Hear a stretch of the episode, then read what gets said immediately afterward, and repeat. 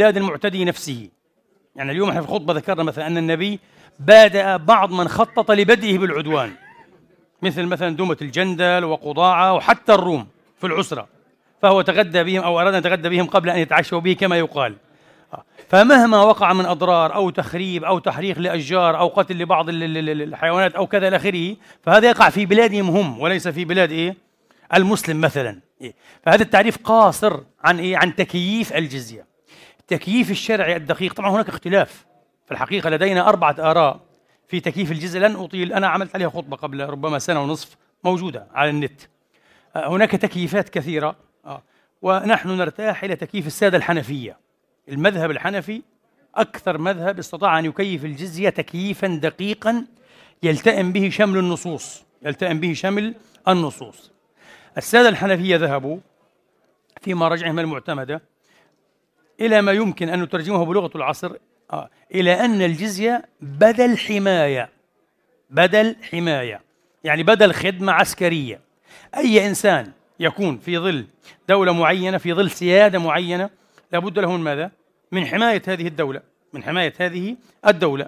ولكن يكلف بالإزاء بجملة تكاليف بجملة كأن يخدم في الجيش كأن يقاتل كأن يدافع.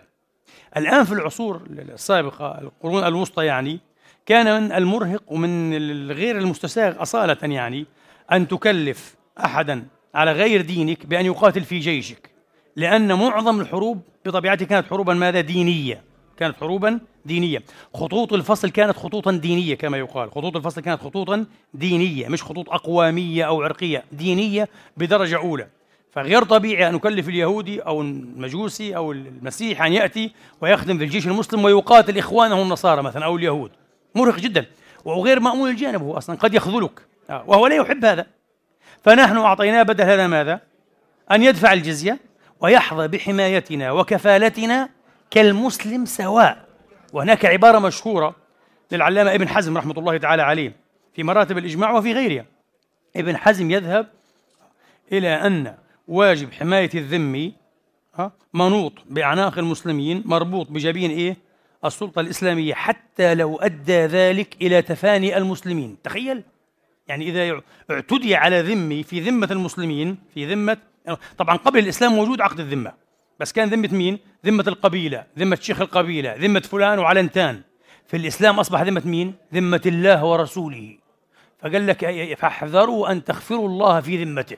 شيء خطير جدا. أعطاه نوع من القداسة. أعطاه نوع من إيه؟ من القداسة. لذلك اللي يقتل ذميا أو معاهدا لا يريح ريح الجنة. النبي يقول أنا خصمه يوم القيامة لأن الإسلام دين أخلاق زي ما قلنا دين كلمة دين عهود. آه. ليش إحنا قلنا إيه؟ إنه طريقة الاحناف هي أحسن طريقة وأدق طريقة وأدق إيه؟ طريقة. لأنه في ناس أنا شافع مثلا الشافعية والحنابلة قال لك الجزية بدل عن سكن الدار. كلام لا يستقيم. لأنه هو إيه؟ يصبح إيه؟ ضمن دار الإسلام الآن. ودار الإسلام زمان أيها الإخوة لم تكن تتحدد أصالة بالعنصر إيه بالعنصر الترابي إنه الأرض الإقليم يعني تيريتوري لا العنصر الأساسي فيها السيادة سيادة السلطة الإسلامية وين تكون هذه السيادة تصبح الأرض ماذا؟ إسلامية حتى لو كان كل من يعيش فيها يهود ونصارى وغير مسلمين بما أن الأمان فيها بأمان المسلمين مين مين بعطي الأمان؟ مين بفرض إيه السلام تبعه؟ السلطة الإسلامية تعتبر أرضا إسلامية واضح هذا مهم جدا. تعتبر أرضا إسلامية. ولو كان الذين يسكنون فيها على غير دين الإسلام لكن الأمان فيها بأمان إيه؟ المسلمين. فتصبح أرضا إسلامية. أكمل الجواب. عفوا أخي. شايف؟ فكلام السادة الشافعية والسادة الحنابلة غير دقيق بالمرة. لماذا؟ لأن المرأة الذمية تسكن الدار والطفل الصغير يسكن الدار والشيخ الكبير يسكن. والعمال الفعل الذين لا يقاتلون الفلاحين يعني آه يسكنون والرهبان في الصوامع يسكنون وكل هؤلاء لا يدفعون الجزية. اذا تعليلهم قاصر. آه. أحسن تعليل قول إيه؟ الأحناف. قول الأحناف. الأحناف قالوا هذه إيه؟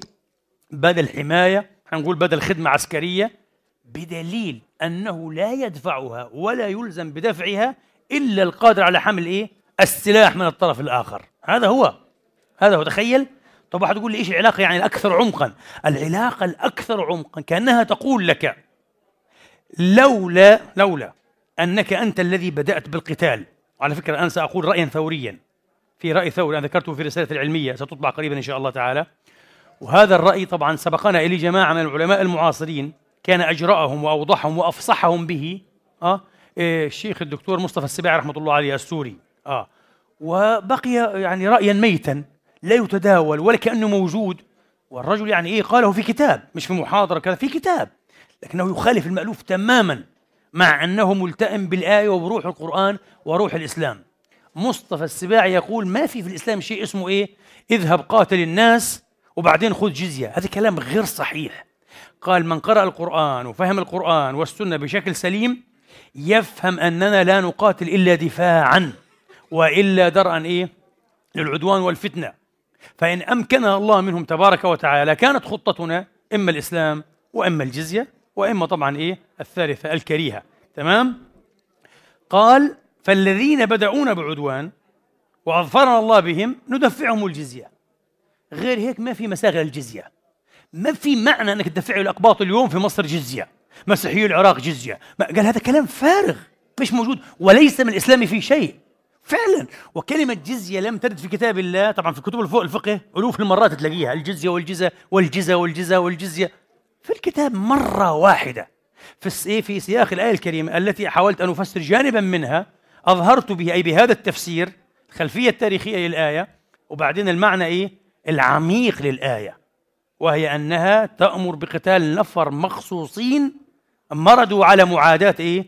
الإسلام والمعسكر الإسلامي والتحرش به غير مرة ذكرت لكم منها وقائع فقط. فهؤلاء حين حين ينكسرون ويصرون بإذن الله بالهزيمة ندفعهم الجزية. هي الجزية هنا. ولا يمكن يا إخواني أنا أقول لكم هذا لا يمكن أن يكون من خطة الإسلام ومن رحمة وحكمة الإسلام وإنسانية الإسلام أنه يكلف أبناءه أن يذهبوا لقتال إيه؟ الناس الكافين المسالمين ويعرض حياة أبنائه للقتل من أجل ماذا قال؟ من أجل أن نأخذ جزية وهي مبلغ تافه ما بيستاهل أنك أنت تخاطر بإصبع من أصابعك ولا مش صحيح؟ جزية إيه هذه؟ مبلغ تافه لا يدفعه إلا فقط الشباب القادر على حمل السلاح مع العدو ولا مش صحيح؟ آه، ويدفعه مرة في السنة وهي للموسرين جدا الأغنياء 45 دينار في السنة كلام فارغ وإحنا عندنا الزكاة لحالها إيه؟ ربع العشر ولا مش صحيح؟ 2.5% يعني شيء عجيب. اللي عنده 1000 دينار بدفع 25 دينار. 1000 اللي عنده 2000 بدفع 50 كيف اللي عنده 10000 و1000 1000 ك... الزكاة أكثر بكثير من الجزية. وبعدين المتوسط يدفع النصف تقريبا. تخيل؟ وأما إيه؟ دون المتوسط يدفع 12 إيه؟ دينار. واللي ما عندوش ما يدفعش. إيش رأيك؟ واللي كان يدفع وبعدين بطل وما قدرش يدفع تعطيه الدولة الإسلامية مرتبا. وهنا قصة سيدنا عمر مع اليهودي. لما عمر غضب وقال إيه؟ ما أنصفناك يا يهودي. أكلنا شبابك وضيعنا شيبتك. خذ يا فلان وافرض له. قال له إيه؟ من بيت المال. هذه عظمة الإسلام. لكن زي ما قلنا هذه الخطة المستنيرة الحقيقية. إذا اعتدي علينا طبعا يجب أن ندفع عن أنفسنا. وحين حين رحمة الإسلام. وحين إيه؟ يمكنه الله ويظهرون عليهم نخيرهم. تحبوا تصيروا أخوة لنا؟ خشوا في الدين. ما تحبوش؟ لا نرغمكم على ترك دينكم والتدين بديننا. ادفعوا الجزية لكي نحميكم. آه. طبعا لا نتركهم يعاودون الكرة ثانية وثالثة لا طبعا انتهى. الآن هم إيه؟ يعني فل حدهم وخض لابد أن تخضج شوكتهم. لابد أن نكسر هذا السيف الذي اعتدوا به على إيه؟ المعسكر الإسلامي. واضح الآن. آه. وهذه حالة كما قلنا يعني ذات طابع لا يتكرر دائما. يعني اليوم النصارى في البلاد العربية يا إخواني لا هم اعتدوا علينا. أبدا هذه حالة أبدا ولا في منها. هذول لهم مئات السنين بيعيشوا معنا إخوة إيه؟ في الوطن الواحد وخاصة بعد عهد الاستعمار. لما جاء الاستعمار ونسخ التاريخ الذي قبله. ليش؟ السيادة أصبحت لمين؟ للمستعمر. ما عاد ابن البلد ما عنده سيادة صار. المستعمر هو السيد صار بالظلم والباطل طبعا أو البغي. فقاومه أهل البلد المسلمون والنصارى في مصر واليهود الكل قاوم ولا صحيح؟ وتحرروا. فالآن نشأ لدينا وضع جديد بالمرة. هذا الوضع أنا أقول لكم أه؟ ظلم صارخ أن يصبح فيه المسلم هو صاحب السيادة الوحيد ويتخول هؤلاء النصارى ويقول هؤلاء إيه؟ أهل ذمة وندفعهم جزية هذا وضع غبي. لا تقول به الآية ولا النصوص ولا دين الله. من أين لكم هذا؟ هذا جمود العقل الفقهي. علماؤنا للأسف الشديد ليس لديهم جرأة على الاجتهاد على الفهم مثل ما فعل الشيخ السباعي حتى المودودي. المودودي أصولي. يعني عنده تفكير أصولي يعني مثل سيد قطب كذا والمودودي له رأي في الجزية قريب 90% من إيه السباعي ما رأيكم؟ وذكرته في الرسالة. وتقرأه تنصدم أنت. تنصدم. ولذلك دستور الدولة الإسلامية في باكستان قال ما في جزية. ما في واحد في باكستان يدفع جزية. ما في جزية. كلهم مواطنون.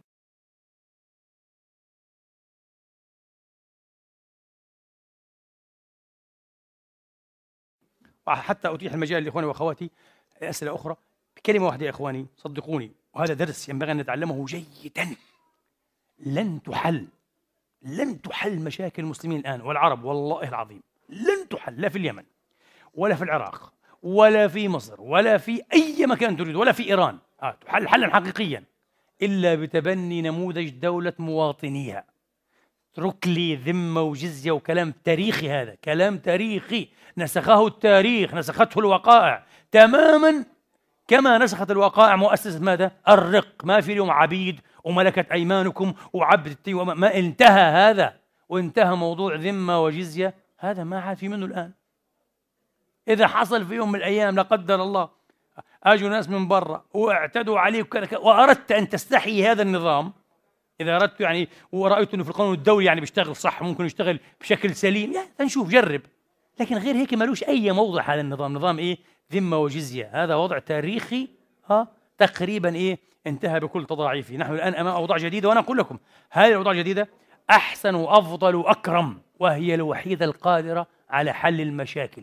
يعني شوف اليمن دائما وبيعتبروا علي اتكلم عن اليمن يا اتكلم عن كذا. اتكلم مش هتكلم ما بتكلم. أنا تكلمت كلام عام وقلت لكم إيش وجهة نظري. لن تفلحوا بدولة بده يحكم فيها إيه؟ الإخوان المسلمون وحدهم الإصلاح ومش الإصلاح وراء السعودية وغيره لن تفلحوا بدولة يحكم فيها الحوثيون وراهم إيران وحزب لن تفلحوا. مش حيسكت الحوثيين ومش حيسكت الحوثيون إلى الإخوان والإصلاح. وحنضلنا نتذابح ونتقاتل وأعدائنا بيتفرجوا مبسوطين جدا جدا جدا. وهذا اللي اشتغلوا عليه من قبل ثمانين سنة أقسم بالله. تنمية إسلام أصولي يلعب لعبة السياسة بغباء يمزق الأوطان يمزق الشعوب دمرنا كل شيء بأيدينا ونحن لا نعقل. نترك كل هذا على جانب كما قلت لكم. ونأخذ بالخير الأوسع والأعدل والأرحب. دولة لمواطنيها. ولا صحيح؟ من غير محاصصات من غير إذا بدنا نعمل كوتات في الحكومات أنا بقول لك نعمل كوتات للأقليات المضطهدة فعلا اللي مش ممكن حتى بنظام الانتخاب والتمثيل يطلع لها حظ. فهذه بنحاول إيه؟ نعمل لها كوتات محفوظة دائما عشان لا نظلمها حقها. شفت؟ فقط. غير هيك وهيك ننجح بإذن الله تعالى. هيك ننجح تماما. وتصبح دول مستقرة وتخدم. وبعدين ما تفهمنيش. يعني أنا أقول لكم اللي في ضميري. ما تفهمنيش إنك أنت عندك مشروع لخدمة الإسلام ونشر الإسلام وما ينفعش هذا إلا إني أنا أحكم. أنا الشيعي أحكم. لا أنا السني أحكم. والسنة مين؟ أنا السنة التحريري أنا السنة الاخواني أنا السنة الوهابي. كل كلام فارغ هذا وصف التدمير والله العظيم. وهي تفعل هي الآن تفعل تدمر قاعدة. تدمر دمارا رهيبا. آه. العلاج خارج كل هذا المهرجان كله. ومجرب في العالم كله وينجح وهو الناجح. ولا مش صحيح.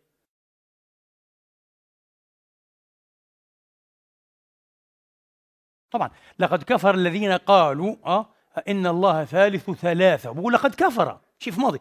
معروف. مين المعهود هنا عاد؟ مين معهود فرقة من فرق النصارى تقول بالتثليث Trinity Trinität فعلا. فكل مثلث أه يدخل تحت حكم هذه الآية. ليش طيب؟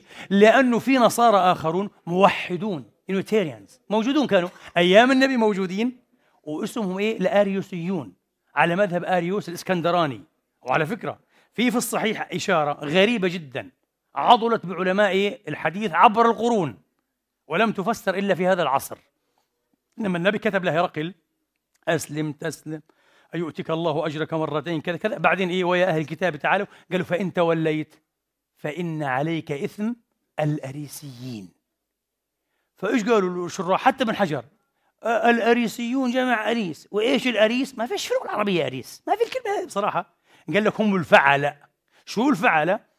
هم إيه رجال الأرض يعني الفلاحين اللي بيشتغلوا في الأرض. إيش الكلام هذا؟ إيش علاقة هذه؟ يعني هي رعيه إيه هرقل بس كانت فلاحين يعني؟ ما فيش أهل مدن؟ ما فيش كذا مش فاهمين القصة ما, مش ما عندهمش علم أديان مقارنة دقيق كان. مع إنه أول ناس ألفوا في علم الاديان المقارنه المسلمون ولا صحيح؟ وأشهرهم طبعا أبو رحيل البيروني وابن حزم وبعدين اجى الشهرستاني وغيره. على كل حال الأريسيين واضحة جدا. النبي عارف شوف شوف النبي أكيد من عند الله هذا. هذه ثقافة إلهية سبحان الله فكر إلهي.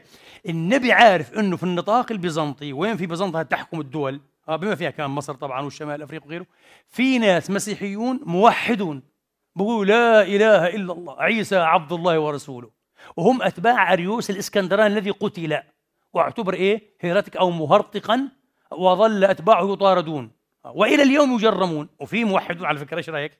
في أربعة من رؤساء الولايات المتحدة الأمريكية موحدون. أربعة من رؤساء تخيل؟ آه. في ترانسلفانيا في عندك حوالي 200 ألف موحد نصراني موجود الآن قلة هم آه ولكن مبثوثون في العالم. نصارى موحدون السوسينيون Socinians آه في أوروبا هنا الذين ذبحوا واعتبروا هراطقة وكانوا مادة لأحكام إيه؟ لمحاكم التفتيش آه. السوسينيون كانوا موحدين وهذه تهمتهم أنهم كانوا موحدين. ميشيل سيرفيتوس العالم والمشرح والطبيب والمهندس آه الذي أعدمه جون كالفن. ليش أعدمه طيب؟ عنده كتاب ينتقد فيه التثليث ويثبت الوحدانية. والرجل من أسبانيا طبعا متأثر إيه؟ بالفكر الإسلامي. فأحرق في جنيف جابوا هذا الخبيث جون كلفن ضحك عليه. كان صديقه. واستدروا وأحرقه. وهو صديقه. فالموحدون موجودون. فلما الله يقول كفر الذين. ما قالش قد كفر النصارى. وخلص لا. كأنه بيقول من النصارى الذين قالوا بالتثليث هؤلاء كفروا. طب هل من النصارى من لا يقول بالتثليث؟ طبعا. هناك من النصارى من لا يقول بالتثليث. هذه هي. إيه طب أنا بقول لك إلى اليوم طبعا. لما بقول لك في ترانسلفانيا يعني في 200 ألف موحدين إيه فموجودون. وهذا الاتجاه المفروض كان على إيه؟ المؤسسات الإسلامية إنها تشبك معاه زي ما يقولوا آه وتتواصل معاه وتحاول تظهر أدبياته وتستضيفهم وتعمل نقاشات بينه وبين إيه؟ النصارى الثانيين. بس إحنا ما شاء الله إحنا مشغولين نذبح بعضنا.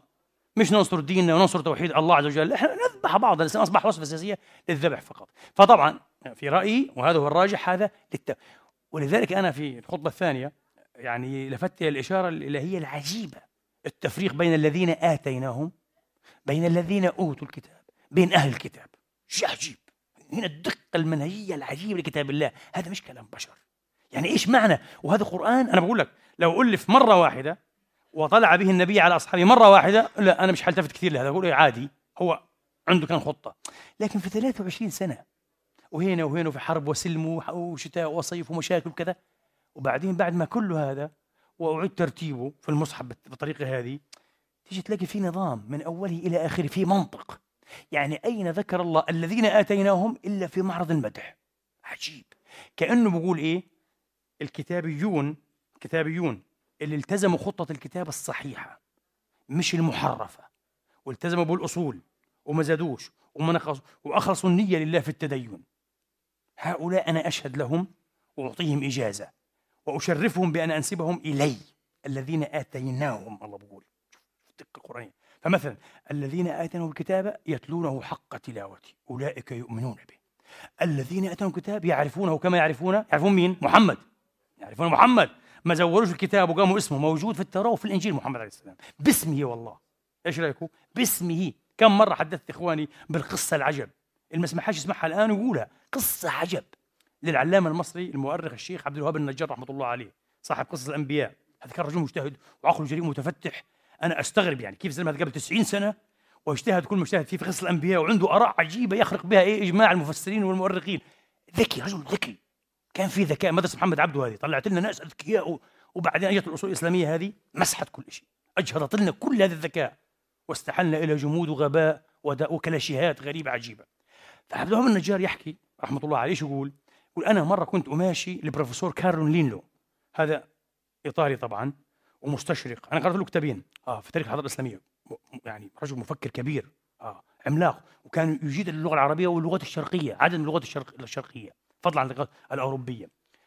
فقال سألته قلت له بروفيسور كارلو لديكم في الكتاب المقدس كلمة الفارق ليط باركليتوس الفارق ليط. ما معنى الفارق ليط؟ عربي ترجمه الفارق ليط يعني. قال المعزي طبعا في الترجمة موجود الآن المعزي. إيه، يأتي المعزي. إيه، شو المعزي يعني؟ قال فالتفت إليه وقلت بروفيسور كارلو ألا لا أنا لا أسأل. أه كارلو نلينو المسيحي المتعصب المسيحي الكاثوليكي المتعصب. أنا أسأل الأستاذ البروفيسور يعني. آه كارلو نلينو العالم باللغات الشرقية واللغة اليونانية القديمة. العالم والعالم لما يكون نزيه يحكي الحقيقة حتى على رأسه. قال فأحمر وجهه خجلا ونكس رأسه. قال معنى كلمة باركليتوس بالإغريقية القديمة اليونانية القديمة يوازي أو يعادل أفعل التفضيل من الحمد. قال وكبر عليه أن يقول أحمد. لأنه أحرجه العلامة النجار. أحرجه قال له أنا بدي أسأل عالم مش متعصب كعالم جاوبني. اخرج من نفسك إيه؟ الكاثوليك المتعصب. جيب لي إيه؟ الحتة الثانية فيك البروفيسور العالم الدارس. قال له بالضبط الكلمة هذه تساوي كلمة إيه؟ أحمد. لما أنا أقرأ في سورة الصف ومبشرا برسول يأتي من بعد اسمه محمد. محمود. ما قالش الله لا محمد ولا محمود. ليش طيب؟ ومعروف اسمه محمد. لا هو في هذا الموضع بالذات. الله يحكي هنا حكاية. يحكي حكاية دقيقة نكون حكاية دقيقة. الاسم اللي بشر به عيسى. من أسماء رسول الله من بين كل أسماء رسول الله. أنا أحمد وأنا محمد وأنا محمود وأنا القافي وأنا المعقب وأنا الماحي وأنا لا أحمد. وفعلا كلمة باركليتوس معناها باليونانية أحمد. ليه؟ ماذا؟ لماذا تطون هذا وضللتوا حالك وضللتوا البشرية؟ أنت شوف هذا الثمن الآن يدفع ثمن هذا حتى المسلمون. ما رأيك؟ والله العظيم. الآن من يلحد من أبنائنا من يكفر من يفقد الثقة بالدين. لو ثبت عنده هذا حيفكر مليون مرة قبل أن يلحد لك. إيش القصة؟ إيش بصير يعني؟ يعني فعلا الإنجيل نفسه اللي هو أكيد الجوسبل قبل محمد شوف بكم سنة 600 سنة تقريبا. يبشر به يعني؟ الله أكبر. وما فيش ما جاش واحد تاني؟ ما جاش. ما جاش واحد ثاني وثالث ورابع ومية اسمه محمد أو أحمد وادعوا أنهم آخر الأنبياء والمرسلين وعجوا دين ومعجزة سبب القران ما فيش إلا هو. يا أخي واضح أنه هو معناه فهذا حتى المسلمون يدفعون الثمن هنا. فالله يقول هذول هذول هذول من أهل الكتاب اللي بيعملوا هيك. هذول أوتوا الكتاب عن آبائهم وأجدادهم وعلمائهم. أوتوا. شوف باسف بناء المجهول. لكن الذين آتيناهم الله بيقول هذول أخذوا الكتاب إيه؟ بحقه. أخذوه بقوة. لم ينحرفوا عن إيه؟ صراطه وسوائه. الذين آتيناهم يتلونه حق تلاوته. من غير تحريف. الذين آتيناهم يعرفونه. من هو؟ محمد كما يعرفون أبناءهم. أه؟ أه. فالذين آتيناهم الكتاب يؤمنون به. الذين آت... و... الذين آتيناهم الكتاب يفرحون بما أنزل إليك. ومن الأحزاب من ينكر بعضه. عجيب! كل آتيناهم آتيناه مدح مدح مدح لذلك نسبهم إلى نفسه. وأينما قال أوتوا الكتاب ذمهم. لأنه يشير إلى من؟ إلى نفر أوتوا الكتاب ولم يأخذوه بحقه وإنما أخذوه تعصبا وحمية عن آبائهم وأجدادهم وكبرائهم وتخيلوا طريقتهم وأخذوا مأخذهم فحين ضلوا ضلوا وحين اهتدوا اهتدوا فهو بين إيه؟ فهم بين جنة ونار، بين حق وباطل، بين نور وظلام.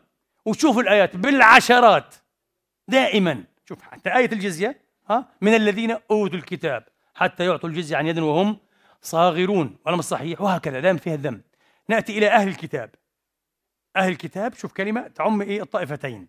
الذين آتيناهم الكتاب من أهل الكتاب. الذين أوتوا الكتاب من أهل الكتاب. معناها أهل الكتاب في منهم ناس محترمين. صح. هنا ولا تجادلوا الكتاب إلا بالتي هي أحسن. احترمهم قل يا أهل الكتاب تعالوا إلى كلمة سواء بيننا وبينكم. كأنه يعني ممكن يقبلوا إيه؟ الحق هذول ويتنازلوا. في أحيانا ومن أهل الكتاب من إن تأمنه بقنطار يؤديه إليك. عندهم أمانة وخوف من الله. ليسوا سواء. من أهل الكتاب أمة قائمة يتلون آيات الله آناء الليل وهم يسجدون. يؤمنون بالله واليوم الآخر ويأمرون بالمعروف وينهون عن المنكر. إلى آخر آيات بتشعل البدن. مدح لأهل الكتاب لطائفة منهم. بس في المقابل في أهل الكتاب والعياذ بالله عاد هذه الآية بتعرفوها وهي كثيرة. شوف هذه الدقة القرآنية العجيبة. صيرفة صيرفة بلاغية صيرفة بيانية دلالية كل كلمة في مكانها كل صياغة بحسابها. مش أي كلام ولفلف كلام شفت؟ وهذا الفرق بين القرآن الكريم وبين إيه؟ أي كلام آخر. حتى الكلام المنسوب للنبي حتى ما صح من أحاديث. لأنه تقريبا كله يروى بماذا؟ بالمعنى ولا يروى باللفظ. رمز صحيح. فحري حري أن يدخله التحريف والمغالطة والزيادة والنقصان. ليه؟ لأنه اللي بيروي حسب فهمه. هو فهم هيك.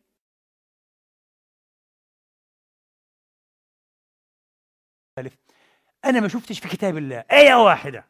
وحتستغربوا وذكرت هذا في محاضرات لي وفي خطب. تقول أن الذي يقبض هي الروح. وأن الروح تقبض والروح تخرج ولا مرة بالمرة. في كتاب الله إيش رأيكم؟ هاي واحد. اثنين. ما لقيتش في كتاب الله ولا مرة. الروح هذه المنفوخة من الله يعني تنسب إلى غير الإنسان. الذي نفخ فيه من روح الله فقط هو الإنسان. لا الثعابين ولا الحيات ولا الحمير ولا البغال ولا أبدا. فقط. حتلاقي بالإزاء الأحاديث النبوية تتحدث عن الأرواح للحيوانات. تتحدث عن قبض الروح وخروج الروح وتخرج الروح كذا بالعشرات. وهذا كله كلام غير صحيح وغير دقيق بالمرة. التي تقبض والتي تنزع والتي تحمل وكذا هي النفس. وهذا القرآن الكريم. وأنا على يقين لست أتردد في هذا. أن النبي حين كان يتحدث عن الموت وكذا كان يتحدث عن قبض النفس. دائما القرآن هذا النبي. ولكن الرواة الماء لم يلحظوا حتى من الصحابة. إيش الفرق بين النفس والروح؟ فكروا نفس الشيء يعني. وتلاقي واحد علامة مثل ابن القيم الجوزي رحمة الله عليه عنده كتاب 350 صفحة اسمه الروح. كله عن قضايا النفس والروح ما يتعلق بها. لما اجى بحث المسألة هذه قال لك هما بمعنى. التحقيق أنه بمعنى. الروح هي النفس. هذا كلام غلط 100% شفت؟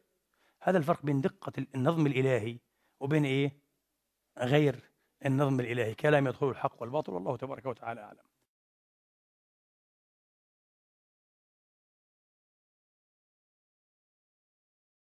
إنه ماذا نفعل؟ فعلا أصبحنا في حيرة. ماذا نفعل؟ وكيف نأخذ؟ وإيش المنهج؟ أنا سأقول لكم يعني معالم هذا المنهج بسهولة بإذن الله تعالى. طبعا بعض الناس للأسف الذين ما زالوا يقلدون التقليدية والآبائية. ويحرثون في البحر آه ويحلفون بأبقار مقدسة كثيرة ليست لها من القدسية شيء. يقول لك إيه؟ فلان عدنان أو غير عدنان يأخذ بمزاجه. مرة يأخذ بالبخاري ومرة ما يأخذش. هذا هو الغلط بعينه. ماذا تريدون؟ أنا قلت مئة مرة أنا لست قرانيا. في لأن طائفة من القرآنيين الآن وهم يعني إيه طائفة عندها آراء فجة فجة جدا جدا وهي عاقة آراء عاقة. أنا وصفتها بالعقوق. ومش مش حخوض الآن في القرآنيين وشؤونهم ولكن في كلمة واحدة المعتلة غير مرة. كل الأمم تحظى وتتمتع بمواريث عظمائها. صحيح؟ وإن دخل هذه المواريث كم هائل من التزيد ومن إيه؟ الاختلاق. ولكن خلاص هذا ما قاله قيصر وهذا ما ينسب إلى قيصر وإلى الإسكندر العظيم أو الكبير وهذا ما قاله أرسطو أو غيره كذا عندها الحق. وليس من حق أمة محمد ونبيها أجد الأنبياء وآخرهم وأحدثهم أن تتمتع بتراثه. يراد الإهالة إهالة التراب على كل تراث محمد. كل شيء اسمه سنة لا نريده وحسبنا القرآن هذا عقوق. بعيدا عن الكلام العلمي لسه وكذا هذا عقوق فكري. ولا مش صحيح واضح. لذلك أنا لست قرآنيا. كلمة واحدة هكذا. عندي منهج مختلف تماما وهو منهج علمي مضبوط بضوابط. شوف الضابط الأولى مهمة. أي حديث ينسب إلى النبي؟ طبعا يعرف هذا اللي درسوا علم الحديث وتعمقوا فيه فعلا حقا يعني مش بالكلام هيك مش مثقفين علماء. تضعف ثقتهم جدا. بمعظم هذا الركام من الأحاديث. يعني واحد زي الإمام الذهبي الذهبي هذا بحر علمه هو في الحقيقة. شيء رهيب الرجل هذا. رهيب رهيب رهيب. عقله مليء بالأسانيد والرجال وكذا مثل كتبه. في سير النبلاء له فقرة بسيطة هيك تحدث فيها عن الحديث الصحيحة أو غير الصحيحة. صادمة فقرة صادمة. يقول بحسب تتبعه واستقرائه هو حياته كلها قضاها إيه؟ في علم الحديث. والرجال والأسانيد والموت كل حياته. ما خلاش شيء الرجل رحمة الله عليه. قال أنا يعني إيه أذهب وأرجح إلى أنه لم يصح من كل ما يروى عن رسول الله إلا زواء أربعة آلاف حديث. هذا كلام معقول جدا. أربعة آلاف. مش أربعين ومش أربعمائة ألف يعني مسند أحمد لحاله في حوالي سبعة وعشرين ألف حديث. كلام فارغ. إذا صح منها من المسند كله هذا ثلاثة آلاف بيكون كويس جدا لأنه أكثر ما في الصحيحين في المسند أيضا. أي. السيوطي كان يحفظ 200 ألف حديث. سئل كم تحفظ؟ قال أحفظ كل ما وصل لنا ولو وصلنا أكثر لحفظ. كم تحفظ؟ قال 200 ألف حديث. كلام فارغ. جمع الجوامع تبعه لم يحصى الآن لكن يقدر أن فيه قرابة سبعين وبعضهم قال ثمانين ألف حديث. كلام. ولما تقرأ أنت بتشوف الكلام. شوف الكلام واضح إنه كلام فارغ وركيك ومتناقض ومتخاذل غير متماسك. واحاديث أحاديث أحاديث أحاديث. وفي ملاحظة منهجية غريبة جدا جدا. المفروض يا إخواني وأخواتي آه، مثل الماء. الماء حين يخرج من منبعه يكون أقوى ما يكون. هم صحيح. منابع النيل منابع قوي جدا هادرا مخيفا. ويبدأ يمشي ويسير بعدين يضعف ويقوى كذا. المفروض الأحاديث أن تكون آه، كثيرة جدا ومبسوطة. ووفيرة كريمة إيه في العهود الأولى. ولا صحيح؟ وبعدين تبدأ تشح. لأنه خلاص جمعات وكذا. الذي حصل هو العكس. في العهود الأولى أحاديث قليلة جدا مرويات قليلة. بعدين يعني الإمام مالك مثلا آه، أربعون سنة بده يحاول يوطئ الناس كتابا فيه الأحاديث وكذا. أربعون سنة يشتغل عليه أربعين سنة يشتغل على الموطأ رحمة الله تعالى عليه جزاه الله خيرا. آه. والكتاب هذا إيه كل ما فيه إيه قرابة ألف نص فقط. أو منها إيه مش أحاديث بالمعنى اللي عارفينه يعني المعنى العامي على كل حال. لكن بعدين حيجينا واحد اسمه إيه الطبراني يألف لنا معاجم ثلاثة. معجم في 30 مجلد. وكل صفحة في عندك 10 أحاديث 15 حديث يأتي أبو بكر البيهقي السنن الكبرى تسع مجلدات ضخمة مطبوعة طبعة هندية حجرية أحاديث بالألوف من وين جبتوها؟ إيش هذا؟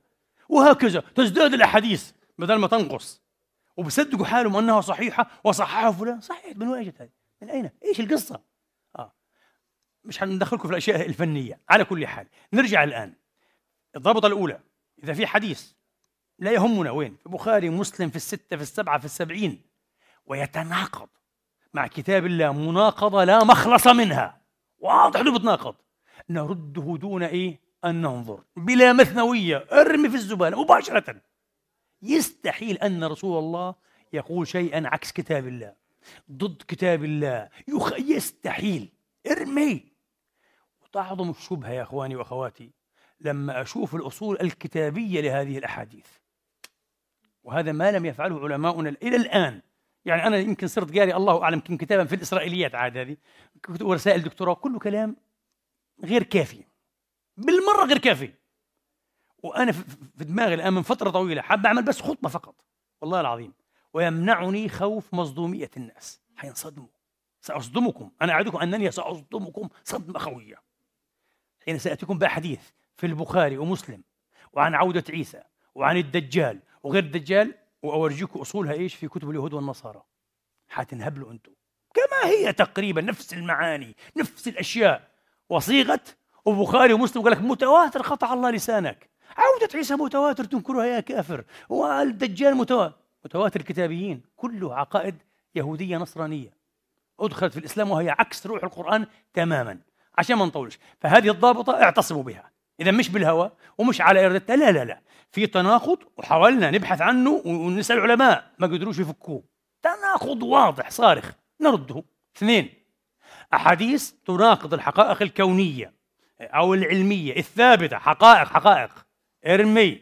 ولا إياك أن تتكلف حتى الدفاع عنها وتشوه كما قلت وتسيء وجه نبيك. وجه إيه؟ نبيك. يعني في حديث مثلا بظاهره بظاهره. آه. يقول لك إنه إيه؟ أين تذهب الشمس يا أبا ذر؟ كل يوم حين تغرب الشمس أين تذهب؟ اليوم لما نسال ابني في صف خامس يقول لك بابا هي ما بتذهب شو تذهب؟ الكلام هذا غلط ما بتذهب الشمس. الشمس ثابتة إحنا اللي بنذهب إحنا بنلف وندور وهذا خلص.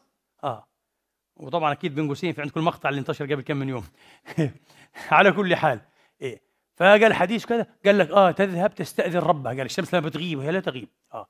تستأذن ربها وتأتي تسجد تحت العرش. واضح إنه حتى الصيغة إسرائيلية خرافات بني إسرائيل هذه. آه. خرافة إسرائيلية واضح. نمط التفكير هنا إسرائيلي مش علمي. إيه؟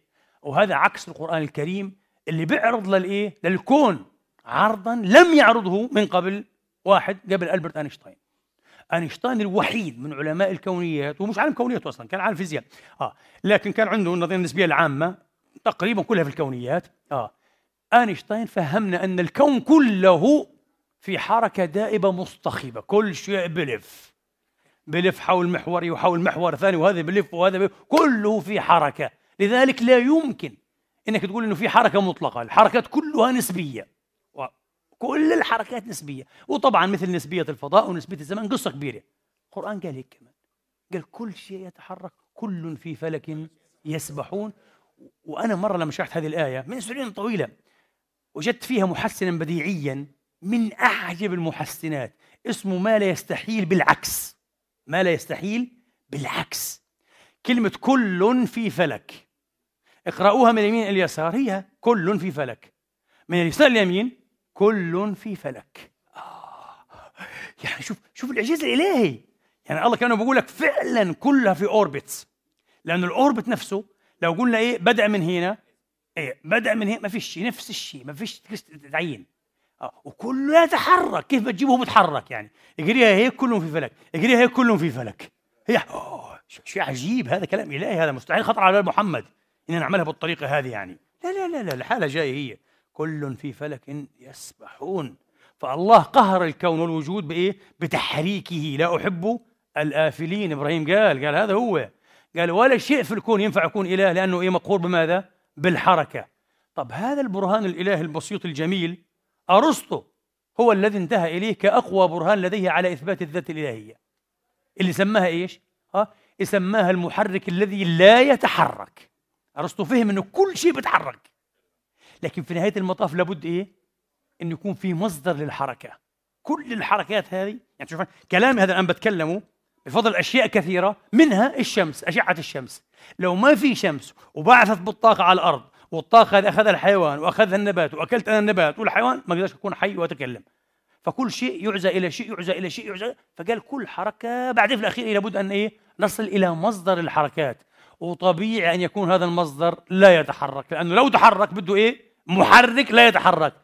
فقال لازم في الأخير نصل للإله هو هذا الإله اللي هو لا يتحرك لكن يحرك كل شيء لا إله إلا هو. ولأنه لو تحرك بده يتحرك على محور. معناه بده يكون إيش؟ له أبعاد في الزمان والمكان ولا صحيح. كلام فارغ ما بكونش إله. فالله قال هيك الله قال كل شيء في الكون بيتحرك ومعناه هو مخلوق. إبراهيم تمم لنا إيه؟ عشان نفهم. وقال لا أحب الآفلين. بتروح وبتيجي بتتحرك وبتلف ما تكونش إله أنت. آه. فإذا نعود نقول هذا الحديث أن الشمس تذهب وبتستأذن وبتبات تحت العرش. تأخذ الآن الرست أو الراحة تبعتها. وبتصبح الصبح قال تستأذن. ويوشك أن تستأذن فلا يؤذن لها. كلام فارغ. إسرائيليات واضح أنه إيه؟ إسرائيليات. آه. وأمثال هذا كثير للأسف الشديد. فعندنا ضوابط. آه. ضد العقل المحض في أشياء قوانين عقلية. طبعا أنا بتحدث عن كلام بده تفصيل كثير جدا جدا وبشوف اعتراضات على كلامي. طبعا من شباب وجامعي لكن واضح إنهم ما بيعرفوا إيش المنطق إيش الأسس العقلية الحقيقية مساكين في ضعف عندهم في التأسيس فبعترض اعتراضات هي سخيفة جدا وصبيانية. يعني يقول لك لا هذيك واحد كاتب لي يا دكتور يعني آه ألا تؤمن معي؟ برشدني هو مسكين يعني انه الله عز وجل قادر على أن يجعل واحد زائد واحد يساوي صفر ويساوي ثلاثة ويساوي مليون إذا شاء وأن يقلب كل قواعد المنطق. آه. فاعتراض كثير كثير سوفسطائي وتافه وسخيف. ليش طيب؟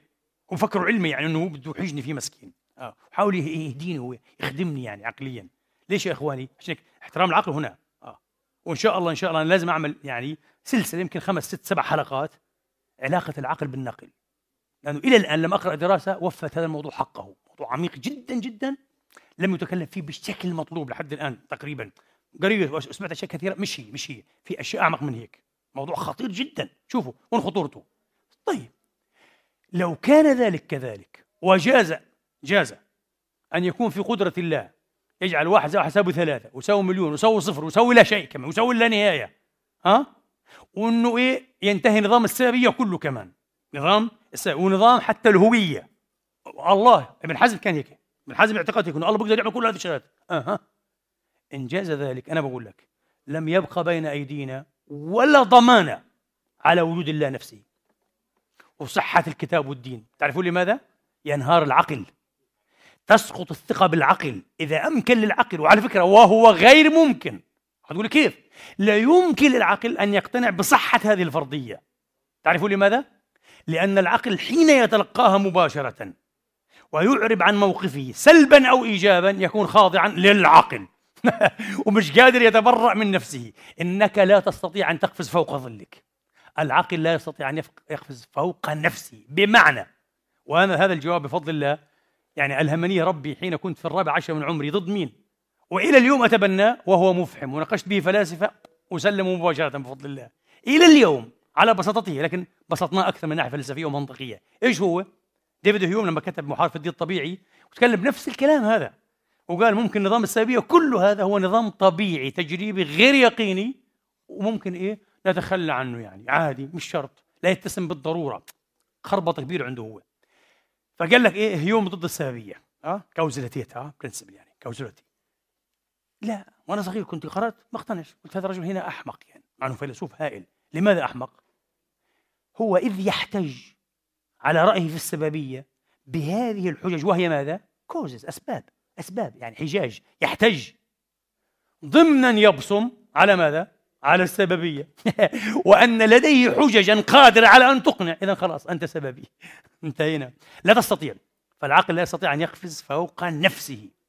فإذا وجدنا من يريد أن يسوق لنا خرافات ضد العقل ضد مبادئ العقل يعني ببساطة.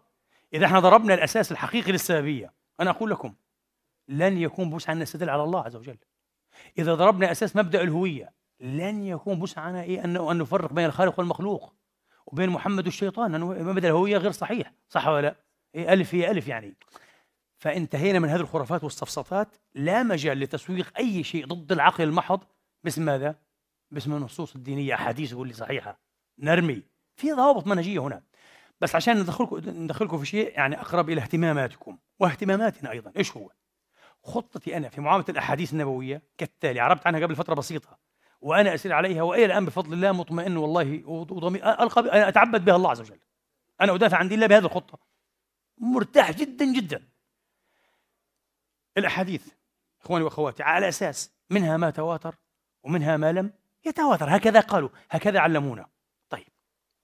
النطق الدينية منها ما هو نظري منها ما هو عملي. يعني لدينا إيش؟ النظري وهو العقيدة. علم العقيدة علم الأصول أصول الدين يعني التوحيد علم الكلام. ومنها ما هو عملي؟ الشريعة والأخلاق. الشريعة والأخلاق. جميل. في العقائد المنهج. لا يقبل إلا ماذا؟ لأنه ما معنى العقيدة؟ كفر أو إيمان جنة أو نار. ما في لعب هنا. ما تلعب بالعقيدة. إياك. يقدر مسلم ما يصليش عشر سنين ثم يرجع يصلي وإن شاء الله الله يغفر يخش الجنة. بس ما يقدرش يكفر. ساعة ويموت يدخل النار مباشرة. انتهى. ساعة واحدة كفر ومات على ذلك راح فيها. العقيدة مش لعب العقيدة إيه؟ خطيرة جدا جدا. كويس. فالعقيدة وهذا رأي جماهير العلماء بفضل الله. جماهير العلماء رأيهم مش إجماع بس الجماهير أن العقيدة لا يقبل فيها إلا ماذا؟ إلا القطعي. يعني نص لابد أن يكون قطعي الثبوت قطعي الدلالة. ما فيش دهدات وممكن ما مش عقيدة هذه؟ عقيدة. أمور واضحة تكون. تمام؟ أها. قطعي الثبوت قطعي الدلالة. أنا أقول لكم هذا غير متوفر إلا في القرآن الكريم. النصوص النبوية فيش منها إيه؟ في العقيدة قطعية الثبوت. ما عنديش أحاديث أنا متواترة أصلا. أنا أشكك في المتواتر أصلا باستثناء المتواتر العملي. كيف النبي صلى كيف حج كيف توضأ لأنه ألوف الناس شافوه عملوا زيه.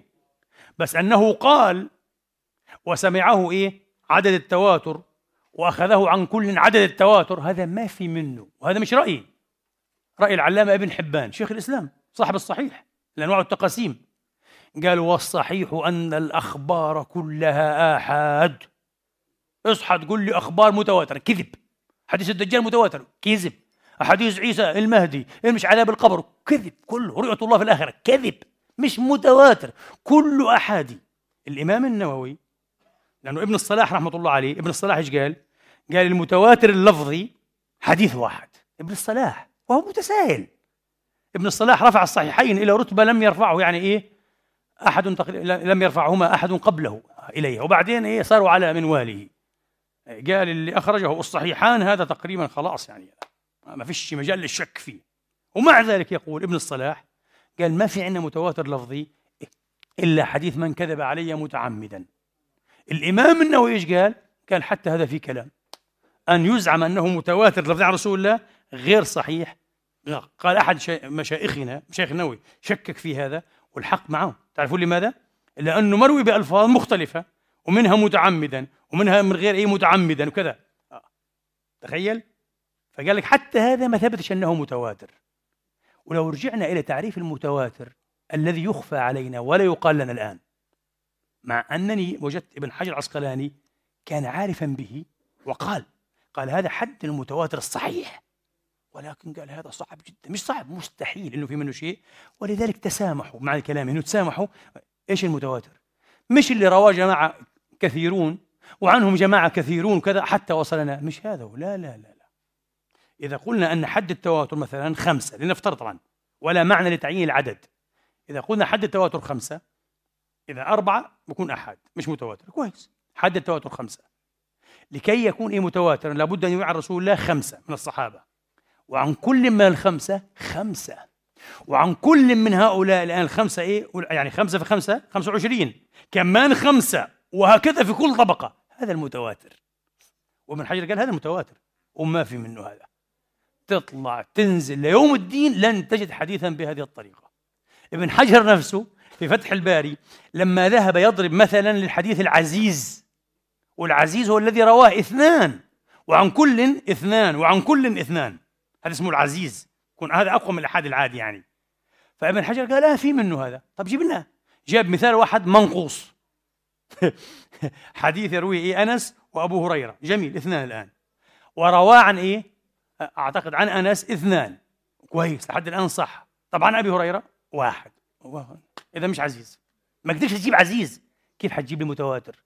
فيا إخوان الله يخليكم يعني أميطوا عن أنفسكم آه؟ حجاب ولثام الرهبة بالمتواتر. بخوفونا أقسم بالله. في شيء مرعب اسمه المتواتر. يقول لك عدنان إبراهيم ينكر متواتر. قطع الله دابره.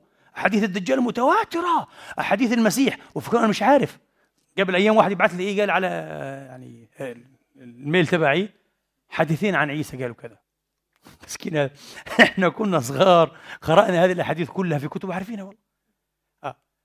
قبل سنوات أكثر من ثلاثين سنة قرأنا كتاب إيه؟ التصريح بما تواتر من نزول المسيح لمحمد أنور شاه الكشميري اللي يمكن أكثر علماء اليوم بيعرفوش اسمه. قرأت كتابه هذا وقرأت فيض الباري له شرح البخاري وبيعرفوش الكشميري من هو لأنه هذا باكستاني كان. ها وقرأنا له أيضا مجموعة الأعمال الكاملة. وهذه الكتب عندي من باكستان جبتها. ما فيش في الدول العربية. آه والله مجموعة كاملة مطبوعة طبعا باكستانية ملونة. تخيل؟ فالكشميري عنده كتاب يدعي فيه نزول المسيح انه متواتر. كلام فارغ لا متواتر ولا علاقة بالمتواتر كما قلت لكم عن عن نحرر المصطلحات. فاذا إخواني وأخواتي كمنهج باب العقيدة مسدود على الأحاديث. انتهينا. والقرآن يؤكد هذا. هل تتوقعون أو تتوقعنا إنه في عقيدة كفر ايمان يعني يجب أن تؤمن بها؟ القرآن تعدى عنها وتجاوزها ولم يذكرها؟ مستحيل. يعني أول شيء الله قال لك ما فرطنا في الكتاب إيه؟ من شيء. أول شيء لازم يبين بحدوده وتفاصيل ماذا؟ العقديات لأنه والله قال هذا القرآن بالطريقة هذه كاف في النجاة حتى الكفار لو أرادوا هي الكفاية. خذوه حتى تهتدوا. والله صحيح يهدي للتي هي أقوم.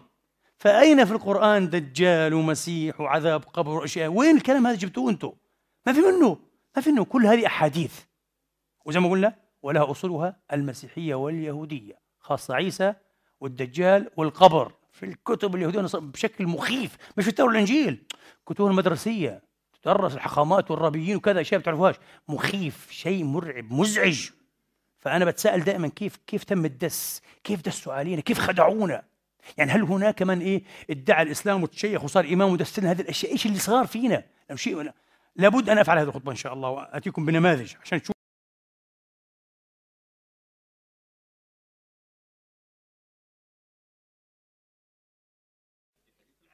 إيه على كل حال أنت اذا اردت أركان الإيمان آه الإسلام ظاهر والإيمان عمل آه الإيمان هو العقيدة مش الإسلام انتبه آه فأركان الإيمان أركان الاعتقاد مذكورة في كتاب الله قال تعالى كل آمن بالله وملائكته وكتبه ورسله. حتقولي واليوم الآخر آه نرجع للنساء. ومن يكفر بالله وملائكته وكتبه ورسله واليوم الآخر. شفت؟ فقد ضل. ناقشني مرة أي زعيم التكفير والهجره في فلسطين عبد العزيز عو... اسمه؟ عودة.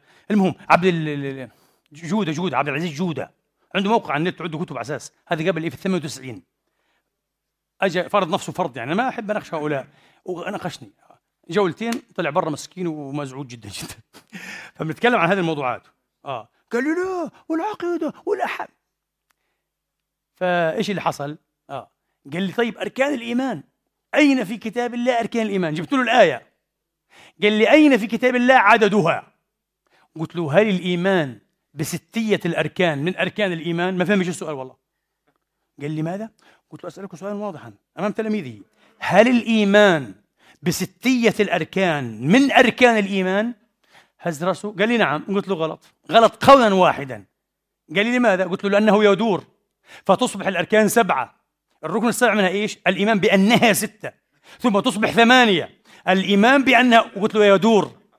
فقلت له هذا عامل حاله عالم مؤلف كتب. مش علم هذا هذا كله كلام فارغ. آه. قلت له الأركان مذكورة في كتاب الله. عرفت عددها أم لم تعرف؟ شوف القدر عاد والإيمان بالقدر خيره وشره. مش مذكور في الآية وأنا أقول لكم وهذا الركن الوحيد اللي مزق الأمة وإلى اليوم ليس لها مذهب واحد فيه. فعندك إيه؟ الشيعة عنده مذهب إيه؟ أمر بين أمرين. ولا صحيح. وبيشرحوه بطريقة معقدة وطويلة وكذا. آه آه. وعندك الأشاعرة آه آه. ومذهبهم قريب من الجبر. هو جبر حقيقة كسوه إيه؟ بمزحه اختيار على أنه في حقيقته جبر. وحتى أن امامه الأكبر أبو حامد الغزالي في الإحياء المجلد الرابع حين قال وما تثبته نفسك من اختيار فأنت مجبور حتى في اختيارك. هذا الصحيح. انتهينا. والمصحيح ولدينا المعتزلة والقدرية الأول الذين نفوا إيه؟ أساس القدر والتقدير وقالوا لا قدر ولا أمر أنف فكفرهم حتى الصحابة والحديث عن العمر قصة طويلة. هذا مزق الأمة. ولا صحيح. مزق الأمة. ولو أنها التزمت بالنص الإلهي القرآني ها؟ في حدود معرض القرآن لما تمزقت ولا اكتفت إيه؟ بالأركان المذكورة إيه؟ في القرآن وحدها. طيب وما فيش كلمة إيه؟ إنه إيه؟ والقدري ومن يكفر كذا والقدري ما في الكلام هذا ما في. القرآن لا بحكي لك القرآن الكريم انتبه. آه، بحكي لك القرآن إيه؟ الكريم. لكن في القرآن الكريم أنت تؤمن بالله الآن. آه وفي وقع خلاف طويل عريض وما زال محتدما آه حول إيه؟ جماعة من صفات الله يعني مجموعة يعني جماعة من صفات الله تبارك وتعالى. منها أشياء آه تتعلق بباب القدر. فالآن لو سألت أنت إيه؟ أي مسلم زيديا كان؟ أم سنيا؟ وهابيا؟ أشعريا؟ ماتريديا؟ بغض النظر. آه. أم حتى إباضيا؟ أم كذا. وسألته هل الله تبارك وتعالى قدر علينا أعمالنا قبل خلقنا؟ يقول لك نعم. ما في مسلم ينكر هذا. يقول لك آه. يعني بمعنى هل الله عالم؟ حتى المعتزلة. هل الله عالم بما نفعل وما سنفعل؟ يقول لك نعم ما يعلم هذا. قطعا يعلم هذا. قبل أن تفعله. قبل أن تفعله. هذا قدر متفق عليه. ثم يحدث الاختلاف بعد ذلك. شفت؟ آه. فلو إحنا اختفينا بهذا الذي دل عليه الكتاب وكل شيء فعلوه في الزبر وكل صغير وكبير مستطر. وعن صحيح؟ وآيات مثل هذه كثيرة جدا أنه لا يعزب عن علمه مثقال ذرة في الأرض ولا في السماء ولا أصغر من ذلك ولا إلا في كتاب ولذلك في طبعا آيات آيات متشابهة. إلا لنعلم من يتبع الرسول وليعلم الذين نافقوا. وقيل لهم تعالوا قاتلوا في سبيل ظاهرها إيش؟ أن الله فعل هذا لكي يعلم. إذا هو لا يعلم قبل إيه أن تظهر النتيجة. هذا إلحاد في الفهم. طبعا ميل عن السواء الإلحاد هو الميل. ميل عن جادة الصواب. لماذا طيب؟ لأن دائما المتشابه يرد إلى ماذا؟ المحكم. حتى عقلا. المتشابه يرد إلى إيه؟ المحكم. يعني في عندنا طريق هنا إيه؟ أوتوسترادات طويلة highway وعندنا بنيات الطريق. اللي بدخل بنية هيك وبتيه. ماذا يفعل؟ يعود إيه؟ إلى الجادة. بتدله. أول مخرج نقول آه هذا مخرجي مش هذا.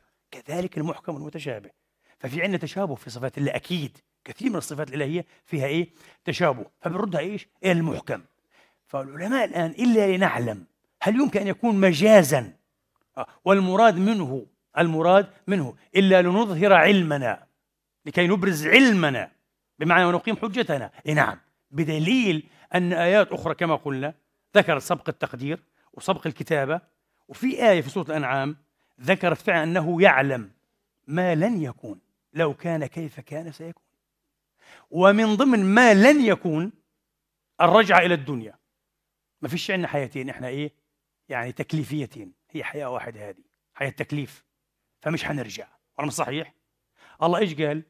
قال ولو ردوا لعادوا لما نهوا عنه وإنهم لكاذبون. إذا هو يعلم ما لن يكون لو كان كيف كان سيكون. إذا يجب أن نعتقد هذا. هذا يكفي في باب القدر أنه يعلم. يعلم ما تفعله؟ القرآن قال هذا إيه؟ فعلك ونسبه إليك. في باب الخيور وفي باب إيه؟ الشرور. ولا صحيح؟ فاكتفي بهذا وقل نعم أنا أصدق الله في أن ما ينسب إليه هو فعلي. ما تدخليش في الأعماق الفلسفية الآن وإيش أصل هذا الفعل؟ ومنشأ الإرادة عندي؟ طب هل إرادتي مفعولة له أو مفعولة لي؟ طب إن كانت مفعولة لي فهو ليس خلق كل شيء. ودخلنا في الدوكة الكبيرة هذه اللي مزقت الأمة على فكرة. هذه مزقت الأمة. هذا ما لناش علاقة بما التكلف. والله ما كلفك أن تؤمن بهذه الأشياء. ولا صحيح. فعشان ما نطولش ندخلش في كذا. في باب العقائد نحتاج المتواتر. ما فيش متواتر خارج الكتاب. انتهينا.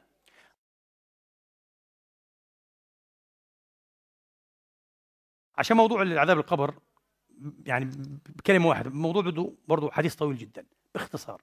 طبعا هناك من علماء العصر الآن والناس حتى صدمت إنه الشيخ متولى الشعراوي المفسر الكبير رحمة الله رجل عارف بالله يعني رجل صالح كان رحمة الله عليه انتهى في آخر حياته إلى أنه فيش عذاب قبر كذا مفسر والناس صدموا كيف شعراوي؟ إيه شعراوي؟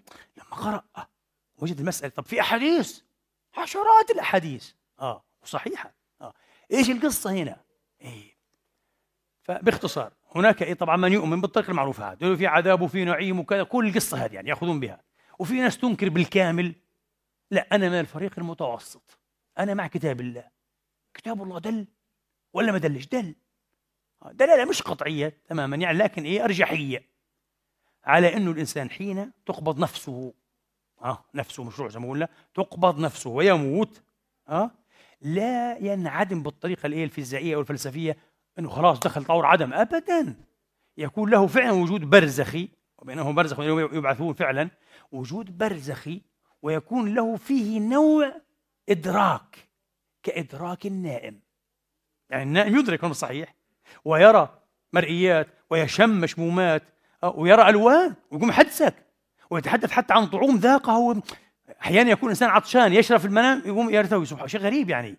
اذا في في وجود هنا للنائم وجود إدراك آخر غير ادراكنا هذا الحي. طيب جميل.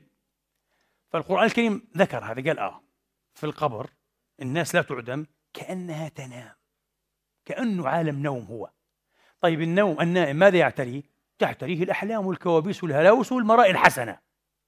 يبدو أن المؤمن وعلى فكرة هذا مش في القبر والله والله في الدنيا كمان والله في الدنيا بذا قضى الله بين الخلق إذ خلقوا أن المخاوف والإجرام في قرني. يعني لا يمكن حدثونا على القذافي بعد ما هلكوا وكذا. آه جماعة قال لك كان لا ينام ليلة بطولها مستحيل. ينام ساعة ساعة ونص ويقوم. انقلوني ينقلوا على مخزن آخر تحت الأرض أشياء ينام له ساعة. انقلوني. مش في أثناء الثورة قبل طيلة حياته. ويأخذ كمية مهدئات فظيعة الرجل. آه. ما فيش حكمت فعدلت ف... ما في الكلام هذا. تجرم تقتل شعبك تذبح تبقى دائما خايف ولا مش صحيح. طب إنسان الآن بيصلي معانا يكون متورط مع خمسة ستة فديون ضحك عليهم من هذا دين من هذا ذيك تلاقيه بيصلي بضل يتلفت لا يفضحوني. يكون اجوا عند الشيخ كذا يتكلموا عليه بعد الصلاة فظيع. فطبيعي لما في المر انقطع من الدنيا وطبعا شاف ملائكة الموت وشاف كذا. مش حينام مرتاح ابدا حتيجي هواء يعني وهذه من الله تبارك وتعالى. مش الدماغ بفرزها عنده الله حيبعث له إياها. صور من مصيره الغابر المستقبل. آه. صحيح. صور. صور مش عذاب حقيقي كما كنا نظن. والمؤمن كذلك. ليش طيب؟ الآيات كثيرة تدل على هذه النهاية. آه. أشهرها من بعثنا من مرقدنا هذا. لماذا عبروا بالرقود؟ إذا هم لما قاموا لم يروا أنهم كانوا معدمين آه، أو موتى بالمعنى إيه العدمي. وبعدين إيه؟ من أحيانا الآن؟ لا من بعثنا من مرقدنا. كيف لماذا عبروا عن هذه الفترة البرزخية؟ بالرقود لأن الكوابيس والأحلام كانت إيه تنتابهم. أه؟ ها. هذا هو. فقال لك إحنا كنا نايمين. هو شيء أشبه بالنوم. القرآن الكريم عاد في عشرات الآيات قاطع أن الحساب يوم الحساب. قبر ما في حساب. شو الحساب؟ حساب قالوا ومش عارف إيه وعلى الغيبة والنميمة وعلى التنزه من بوله أضرب. مستحيل. لا لا. حساب ما في. الحساب يبدأ يوم القيامة. وتوفيه الحساب هنا. قصة طويلة لكن هذه ملخص رأيي فيها. بعرفها بعرفها وآية تغفر. ما بقى أنا قلت لك ما بديش اعمل محاضرة. حتقول لي النار يعرضون عليها عدوا وشيء. والآية جوابها فيها. آه النار يعرضون عليها غدوا وعشيا ويوم تقوم الساعة أدخلوا آل فرعون أشد عبر بالعرض. والعرض هنا هو تعبير دقيق عن المرائي. لأن الإنسان الذي أصلا إيه؟ يعني يعرض له في يقول لك عرض له في نومه وسنح له. العرب تقول عرض له وسنح له. فهذا بالضبط. آه. فهم يعرض عليهم وعلى غيرهم. إيه ما المشكلة؟ الآن عنده هذه في القبر؟ تتوفاهم عند الوفاة طبعا. طبعا. خروج النفس هذا هذا ملاحظ. نحن كان لنا جار يقتل القطط البساس. كان جارا جار جارنا. يوميا نخرج نتألم كل الحارة تتألم من هذا الرجل الجبار. إيه المجرم هذا؟ سبحان الله. نلاقي في الحارة قط قطين ثلاثة. يقتل يقتل القطط. لما نزع لما جاءت الملائكة مش يضربونه وكذا؟ مكث ليالي عديدة. يسمع شخيره نزعه في الشارع. صوت مخيف والله العظيم. عذب عذاب الرجل قبل أن يموت. طبعا. آه. وشفنا ناس صالحين أنا رأيت يعني سيدة كبيرة كانت تصوم سبحان الله يعني إيه ربع السنة. آه. ولا تأكل إلا من حر مالها نزيهة عفيفة مرة. ودائما متعبدة وسبحتها في يدها. شيء عجيب. وكنت جالسا حين احتضرت ولا يقال احتضرت طبعا. الملائكة تحتضر. والميت يحتضر. أي يحضر. انتبهوا. فحين احتضرت رحمة الله عليها وأنا كنت طفل عمري 11 سنة في الخامس الابتدائي ونتكلم. فجلست هكذا. وجهها أشرق. سبحان الله أصبح كعصفار جميل. وحدوا الله. لا إله إلا الله. كانت مريضة. صلوا على رسول الله. اللهم صل. وحدوا الله. ففرح رجل كبير. قال الحمد لله كذا. فالأخ قال له لا. قال هذه يقظة الموت. قال لا ما شاء الله عليها. طيب كذا. قال وحدوا الله. لا إله إلا الله. وبعدين عادت هكذا ورفعت إصبعها. أشهد أن لا إله إلا الله أمامي وأشهد أن محمد عبده ورسوله فقط. يعني قشعر بدني الآن كل ما أتذكر هذا الشيء. ميتة من أجمل ثم انفرد وجهها الناس تعجبت من الجمال الذي عليها. أصبح وجهها كذا. انفرد وأصبح أصفر هيك على نور لا إله إلا الله. ومثل هذه كثيرة. حدثني رجل عن أخيه. قال لي أخي كان رجل من الصالحين ومات مسموما. آه. قال لي بالسم. قال والله قال لي يا ابني كنت طفل صغير. قال لي يا ابني ندخل عليه عانى من السم أياما في اليوم أو في الساعات التي احتضر فيها. آه. يصرخ فينا انتبهوا! ماذا يا فلان؟ يقول انتبهوا لا تمشوا من هنا. اذهبوا لا تؤذوهم. قال لي فعلمنا أنه إيه؟ في محضر ملائكة قال فنخرج فنسمعه يسلم. وعليكم السلام ورحمة الله. أهلا وسهلا. وعليكم السلام. يسلمون ملائكة. ثم احتضر في نفس اليوم ومات. طبعا فمثل ما المؤمن يعامل بهذا الإكرام ولذلك إن الذين قالوا ربنا الله ثم استقاموا تتلقاه الملائكة آه شفت هذا هو في بشرى بشرى عند الموت بإذن الله والكافر وضرب أيضا وتخرج روحه فعلا خروجا نفسه عفوا خروجا من أبشع ما يكون. ما بخرج هو مرتاح ومتجلي مبسوط إذا تقول لي لا بس في كفار شفناهم أو سمعنا عنهم كذا بموت نفس اللي تحدثت عنها السيدي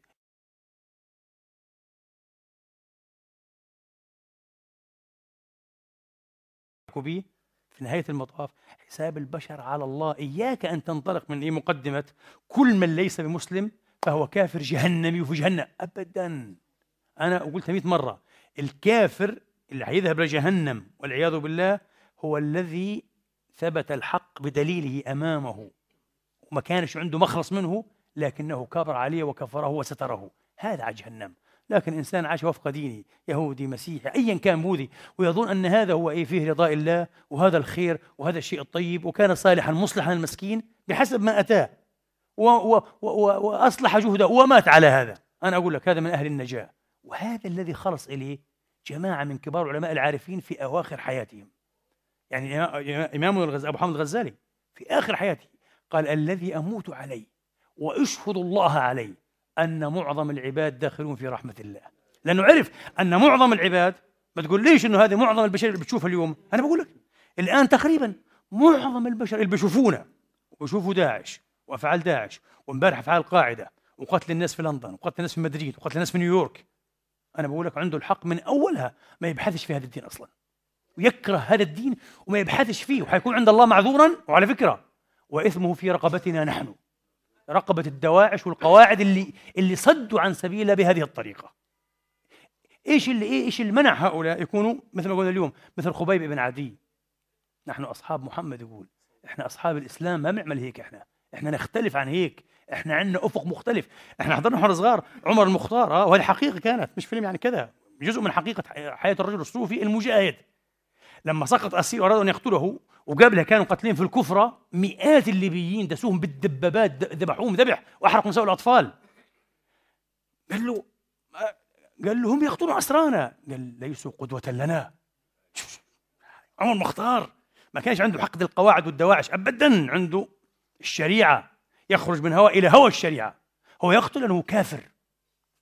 لم يتنور باي بشريعة محمد. إحنا محمديون إحنا شريعة الإسلام الرحمة. اسير بنأخذه بنعامله مثل ما الله كان عامل اسير إذا بيستحق القتل المجرم حرب أشياء أشياء يقتل ما عندناش مشكلة حتى القانون الدولي ما بيستحق الأسير يطعم ويسقى ولا. هذا الدين وهو لا ينتصر بقوتك وغضبك وكذا. أنا بقول لك ينتصر من عند بمدد من عند الله. إذا الله إن ينصركم الله فلا غالب لكم وإن يخذلكم فمن ذا الذي ينصركم من بعده.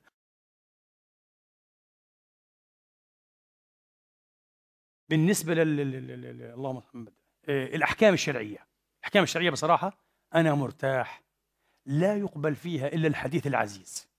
مش معقول. تنسب إلى محمد أنه حلل وحرم وقال اعملوا واضربوا وارجبوا وكذا وعندك أحاديث احد متناقض الأحاد يا أخي. ولا تسلم من التلف وفيها خمسين ألف ثقب الأحاد. بدي حديث عزيز. تقول لي ليش طيب؟ هذا تحكم. مش تحكم. بالعكس منهج قرآني. القرآن قال لإحراز الحقوق البسيطة بين بشر. عشرة دراهم وعشرين درهم وأنا صحيح؟ ها؟ شيء أحسنت. شاهدين. فأنا أريد على فكرة ومحمد عليه السلام انتبه مع إنه أنا لما أعطيت الحج فاروق مثلا أو أعطاني فلوس ممكن يكون في صعب إنه إيه يشهد شاهدان يعني ممكن أعطيه أنا في الزاوية هذه ولا صحيح؟ صعب. لكن مستحيل أن محمدا كان يشرع للخاصة. ياخذ له اثنين ثلاثة من أصحابه يقول لهم الله قال كذا. مستحيل. لما كان بده يشرع لازم إيش؟ يشرع إيه؟ جهارا على للناس كلها. يعني هذا هذا بالذات كان لازم يتواتر. يا سيدي ما في تواتر على الأقل إيه؟ عزيز. أضعف شيء لا نتنازل عنه. يكون الحديث التشريعي اللي فيه حلال وحرام عزيزا. وشفتوا أنتم شو العزيز؟ يرويه اثنان وعن كل اثنان. وهذا نادر جدا جدا. يعني في البخاري ومسلم ممكن ما تلاقيش ثلاثة أربعة من غير إحصاء. يعني بعضهم حاول يعني إحصاء صعب. خمسة في المية من العزيز والباقي كله بصير أحد لا أقبله في التشريع أبدا ولا بحلل ولا بحرم بستأنس فيه. انتبه ما معنى بستأنس؟ مش برفضه هيك بستأنس. إذا لقيت إنه هذا الحديث الأحادي بوافق العقل الإيه القانوني العقل العدلي وقبل هيك بوافق الروح القرآني وضمان الحقوق ولا صحيح؟ وتحصيل المقاصد الشرعية. أهلا وسهلا. إذا يخالف عن هيك ما بدي إياه. مباشرة ما بدي أبدا. تمام؟ بدي العزيز. فالحين واحد يقول لي إيه أيوة عشان هيك أنت شككت في أحاديث الرجم. طبعا. ومش عزيزة. لك متواترة. إحنا تحديناهم هنا. مش عزيزة. لا يمكن أن تصح لك عزيزة. فضلا أن تكون متواترة. أحاديث أحد الرجم أحاديث أحد وأنا عارف ماذا أقول. فعشان هيك عندنا منهج واضح. أنا هذه شهادة على رسول الله. التشريع شهادة. لا يمكن. حتقول لي بس العلماء وهذه مسألة عجيبة غريبة منهجيا. العلماء فرقوا بين الشهادة والرواية. صح. وذكروا عشرين فرقا. أكثر ما ذكروه عشرين فرقا. تحب تقف عليها؟ ارجع إلى أي تدريب الراوي للسيوطي ذكر العشرين فرقا. ما لهاش علاقة بما نحن فيه. ومبنية كلها على شيء المسألة. على عكس ما إيه؟ ما ظنوا هم إيش هم؟ للأسف. تحكم. هي التحكم. مش إحنا هم تحكموا. إيش قالوا؟ قالوا العلماء اتفقوا على أنه يتسامح في الرواية. ما لا يتسامح في الشهادة. أنا سألتهم الآن وسألتكم بالله تبارك وتعالى هل هذا معقول ومقبول أن نتشدد في عشرة دراهم وفي فرج امرأة وفي كذا يعني عقود النكاح وأن نتسامح في التشريع؟ ومع أنهم كما قال ابن القيم في الطرق الحكمية قال هم يعني فعلا يعني مهدوا أن الرواية في نهاية المطاف نوع من الشهادة شهادة على صاحب الشرع أنه قال. طب ليش لازم تكون هذه الشهادة إيه؟ عزيزة على الأقل مثل الشهادات في الحقوق العادية سيدي مش أكثر منها. مع أنه لو أردنا التعزيز بالمصطلح القرآني إيش كذا لازم يكون؟ ومش حتلاقيه ثلاثي أحسنت. قال فعززنا بثالث. التعزيز مش بالثاني بالثالث. لو بدي التعزيز القرآني بدي حديث ثلاثة يروي ثلاثة أصحابه. وعن كل ثلاثة وهكذا. ولن تجد واحدا. انتهينا خلاص. يبقى تشريع القرآن الكريم. آه. لكن إحنا قبلنا بالثنائي هذا أو إيه؟ بالنظام الثنائي هذا. لأنه التشريع يا إخواني الخطر فيه أعظم مليون مرة من خطر الخطأ في الشهادات أو التحيف في الشهادات لو أجى واحد تحيف في الشهادة إيش بده يصير؟ بده يضيع حق إنسان ولا مش صحيح؟ بس حق إنسان لكن التشريع الإلهي إيش بده يصير فيه؟ بده يصير فيه إلزام للأمة بشيء وفي الواقع الحال الله لم يلزمها به أو تشريع مثلا عقوبة معينة كالرجم هذه عقوبة وحشية مخيفة مرعبة والقرآن طبعا يعرضها زي ما شفنا في آيات كثير جدا جدا ويؤكد أنه حد الزانية المزوجة جلد في عدة مواضع وبشكل واضح جدا. كل هذا تركوه كالشريعة المنسوخة. وقالوا بالنسخ طبعا وأخذ لي بأحاديث لم تعز وهي آحاد معهم آحاد. خطأ منهجي هنا. خطأ منهجي. فالتشريع أنه أي جمهوري وعام وملزم لكل الأمة ودائم إلى يوم القيامة على الأقل لابد أن يكون عزيزا. على الأقل. ها انتبهوا. ثالثا وأخيرا عاد حتقولي طب في الأخلاق أنت قلت أخلاق. في الأخلاق كذا؟ أقبل بالضعيف كمان. مش بالبخاري ومسلم؟ حتى الأحاديث الضعيفة. ليش طيب؟ أنا في الأخلاق أقبل حتى إيه؟ بأرسطو ونيتشه وكذا إذا تكلم بالحكمة والحكمة ضالة المؤمن أن وجدها فهو أولى الناس بها. فإذا حكمة نسبت إلى محمد صحت أو لم تصح. وفيها أمر بإيه؟ بالبر أمر بالصلة أمر بالرحمة أمر بالجمال والتحاسن. من غير ما أطلع بقبلها. واضح؟ العجب عاد شوف أختم بهذا العجب العجاب أنهم حين تساهلوا في باب الشرع والعقائد ها؟ تشدد وقال في إيه فضل وقال لك لا في فضائل الأعمال الأرجح والأصح لا يقبل إلا ما صح والضعيف غير مقبول. لا يا حبيبي عاد هذا الباب بالذات الذي نقبل فيه كل ما هب ودب ما دام مقبولا سائغا إيه بالعقل. هذه معالم منهجي ببساطة وأنا مرتاح إليها وبفضل الله والله العظيم لم أفقد شيئا من ديني الحمد لله. أنا ما لقيت نفسي طلعت إلى الحدث أو كفرت أو بطلت أعتقد بمعتقد ديني. كل أركان الإيمان عندي بفضل الله تركت الخرافات تركت اليهوديات وتركت النصرانيات وتركت المدسوسات وتركت ما مزق الأمة. وحط فيها إيه؟ الأسافين والعصية يا إخواني إيه؟ لكي يشل حركتها.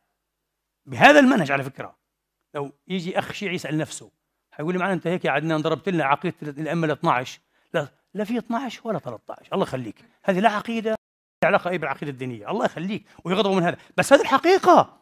وأي شيعي معتدل واعي حيبدأ يفهم هيك. وطبعا في الأخير حيلاقي حالنا إيش ننتهي في الأخير؟ إن حنرجع إيش؟ للأوتوستراد هذا تبع القرآن الكريم. وحنرجع أمة واحدة. والله العظيم. وقسما بالله. بس أنا بقول كل حسرة مش عينة. على العمائم واللحى حيبطلوا يلاقوا مادة يتكلموا فيها. كل كلامهم في هذه النصوص والأشياء عليها وقصص واليوم الآخر يقول لك 200 حلقة وكذا والدجال والأقرع والأصلع وكذا. كله هذا راح من بين يديه وضاع مسكين. أنا زمان كم كم حلقة عملت عن الدجال؟ زمان؟ قبل حوالي 20 سنة عملت تقريبا ست خطب وسبع محاضرات عن الدجال. كنت مآمن به وعندي فلسفة خاصة به وقرات كتب بالإنجليزي والدجال وما الدجال والسينما وترمينيتر ومش عارف وقصة كبيرة عملت فلسفة كبيرة وأرعبت الناس وأنا كنت مرعوب أقسم بالله. وصرت أشوف مرائي في المنام أخوي بهدل الدنيا. آه. بعدين اكتشفت إنه هذا كله كلام فارغ وكله عقائد يهودية ونصرانية والله. الإسلام منها بريء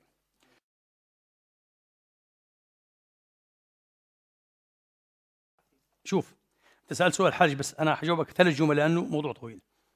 الأخوة يعرفون أنا عملت محاضرات في هذا الموضوع آه 23 ساعة. آه بس ما نشرناها ومش حننشرها طبعا في الوقت هذا.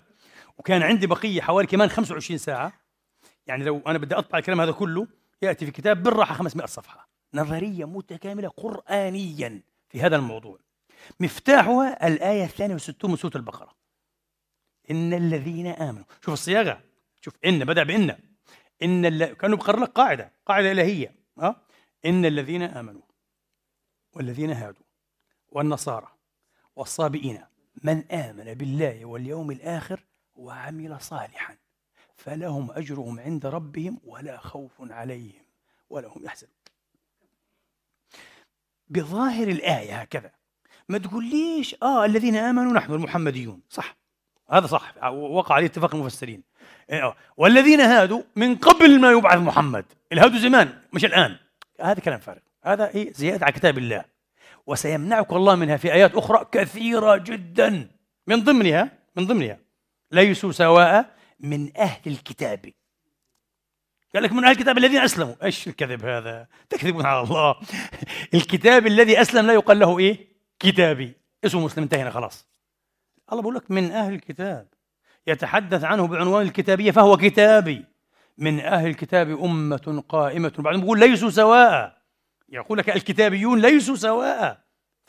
لذلك فرق. الذين أتيناهم والذين أوتوا. مثل آية إيه؟ ليسوا سواء. ومثل آية إيش؟ أقول يا أهل الكتاب تعالوا إلى كلمة سواء بيننا وبينكم. هذه ليست أمرا إيه؟ بالدخول في الشرع المحمدي الفروع يعني. أبدا. أمر بالإيه؟ بالعود إلى إيه؟ صراط التوحيد المذكور في آية الفاتحة. هو صراط واحد يجمع الأنبياء كلهم وتختلف شرائعهم. اهدنا الصراط المستقيم. آه الآن السؤال. هذا الصراط المستقيم صراط من؟ صراط الأنبياء بدرجة أولى من الذين إيه أنعمت عليهم من النبيين لأنه صراط الذين أنعمت عليهم من الذين أنعمت عليهم من النبيين في النساء إذا هؤلاء هم الأنبياء صراط الأنبياء السؤال الآن هل شرع محمد مثل شرع إيه موسى؟ يختلف في أشياء كثيرة إيه؟ وهل شرع عيسى مثل شرع شيث مثلا؟ ونوح وكذا يختلف طب طب كيف عندهم صراط واحد؟ إذا كلمة الصراط الآن يراد بها ماذا؟ الاعتقاد التوحيد. ومن هنا في كتاب الله دائما الله ما أرسل نبيا أو رسولا إلا إيش؟ أن اعبدوا الله. ولا تشركوا به شيء اعبدوا الله وحده. اعبدوا هذا هو. فإذا مدار المسألة محور المسألة على ماذا؟ على التوحيد. فإذا أنا لدي إيش؟ يهودي موحد مسيحي موحد ويعمل الصالحات. أهلا وسهلا. الله يقول ما عنديش مشكلة. تدخل الجنة. طب أنا يهودي موحد بدي أتبع محمد أصير مسلم. محمد إيش قال؟ له أجران. عجيب. يعني عنده أجر أول طبعا على صلاحه في كتابيته. وعندك أجر على دخولك إيه؟ في الإسلام. وكذلك النصراني. حتقول لا يعترض هذا وهذا معترض بأشياء صح. طب لو افترضنا هذا اليهود الموحد عرضت عليه نبوة محمد بأدلتها وكذا كذا بالحجة وكفر بها ولك كافر ومش حينفع توحيده بالله وحيخش جهنم. آه ليش طيب؟ لأنه الله قال يفرقون بين الله ورسله. ويقولون نؤمن ببعض ونكفر ببعض ويريدون أن يتخذوا بين ذلك سبيلا. أولئك هم الكافرون حقا. سورة النساء الله قال ما ينفع. ما ينفع تقول أنا بآمن بعيسى وموسى بآمنش بمحمد كافر. يعني ينفع تآمن بموسى وعيسى وتآمن بمحمد وما تدخلش في شرعه الفرعي؟ طبعا ينفع. مش شرط تصلي زينا وتصوم زينا خليك يهودي ونصراني. بس قول هذا نبي خاتم الأنبياء وهو صادق. ها ودينه هو دين عيسى. لا إله إلا الله. عيسى عبد الله موسى عبد الله محمد عبد الله ورسوله. أهلا وسهلا. عندنا الله قال ما في ما في ما فيش مشكلة. ويوضح هذا يا إخواني أن الذي شرع الشرائع وخالف بينها هو رب العالمين نفسه. طب ليش؟ لأنه قال لك تختلف. أوضاع أمة موسى تختلف عن أوضاع أمة عيسى. البنى الاجتماعية والاقتصادية وكذا تختلف من مجتمع لمجتمع فأوضاع أمة العرب ومحمد اختلفت فشرع لهم أشياء معينة. تشريع مش شيء خطير ونهائي انتبهوا. هذا شيء عاملينه كأنه يعني إيه رأس المقدسات. لا لا لا. متحرك ومرن فالله متسامح فيه. فخليك انت على شرعك يهودي ونصراني. حتقول لي في من هؤلاء؟ في. قلة قليلة. نسأل الله أن يكثرهم. يعني عندنا في سويسرا جارنا هنا. آه البروفيسور هانز كونغ. آه هذه كونغ هذا. هذا الرجل ألف 86 كتاب في اللاهوت. عالم كاثوليكي رهيب. طبعا محروم. ألقوا عليه الحرم. اعتبروه مهرطق أنا متأكد مش لأنه انتقد الكاثوليكية بس كذا. أنصف الإسلام. عنده كتاب على الإسلام بالألمانية 800 صفحة. اعتقاده هكذا. هانس كونج موسوعة في اللاهوت. دارس دراسة متعمقة للدين النصراني ودرس الإسلام دراسة محترمة. آه في حدود إيه؟ ما أسعفه العمر. آه. إيش عمل هذا الرجل؟ وعلى فكرة هو كان ثاني أصغر مؤتمر في مؤتمر الفاتيكان في 62 ل 65 هو كان و بنديكتوس السادس عشر كانوا أصغر اثنين أصغر اثنين عبقري هو. فيعتقد هو واحد. أنه التثليث خرافة رومانية وثنية دخلت في النصرانية. يعني يقول أنه هذا كفر كالقرآن الكريم الكلام فارغ هذا. ديننا النصراني ما في تثليث هذا كله كلام فارغ. اثنين. عجيب هانس كونغ بالأدلة. اثنين. لا يؤمن بالكفارة. أنه عيسى اجى وانصلب كذا عشان يكفر عنه ذنوبنا ويفدينا ويخلصنا. قال هذا كلام فارغ. والقرآن أيضا إيش؟ ضد الكلام هذا. لا تزر وزرة وزر أخرى. ليس الإنسان إلا ما سعى. مش ممكن زي ما قال الشيخ الغزالي أنا إيه؟ يعني أدلق أدلق كما يقال يعني أرمي حبر على قميصي. تروح انت تمزق قميصك ولا تموت أتطهر أنا. إيش دخل هذا؟ لازم أنا أنظف قميصي. صح ولا يعني واحد قاتل وزاني وكذا. تقول لي هو فداني. إيه فداني؟ لازم أنا. وهذه نظرية خطيرة على السلوك حتى ولا مش صحيح؟ خطيرة على السلوك جدا. ويمكن هي أحد أسباب فساد رجال الدين عندهم. رجال الدين بتلاقيهم زنا ولوطيين وكذا. شيء فظيع يا أخي. والكنائس يعني عندهم عندهم أنا بديش احكي عشان نسال الناس يعني. بس في كتب بنقراها لهم يعني بلغاتهم. بيحكوا أشياء فظيعة مخيفة مرعبة. والله ما بنحكي لو نحكيها يعني في سواد وجوه يعني عليهم. مش فاضيين ليش نصلح حالنا بس في الأول هم يروحوا. فالعقيدة هذه خطيرة. هو ضد العقيدة هذه. طيب.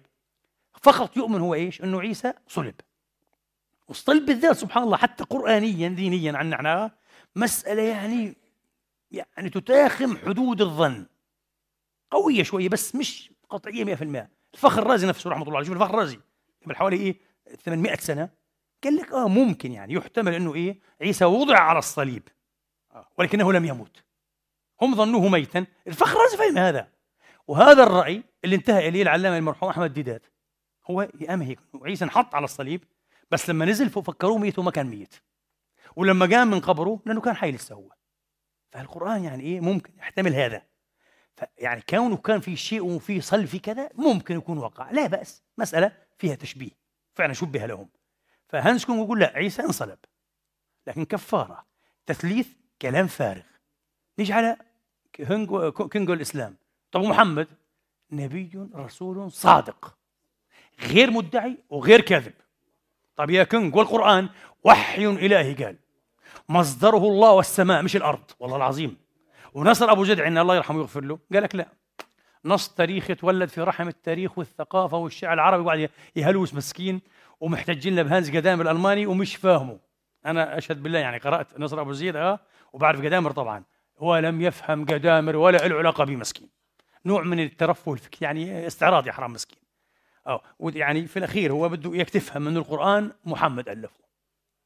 وينسب إلى الله نسبة شو الكلام الفارغ هذا؟ هانس كونج قال لك لا. قرآن إلهي المصدر.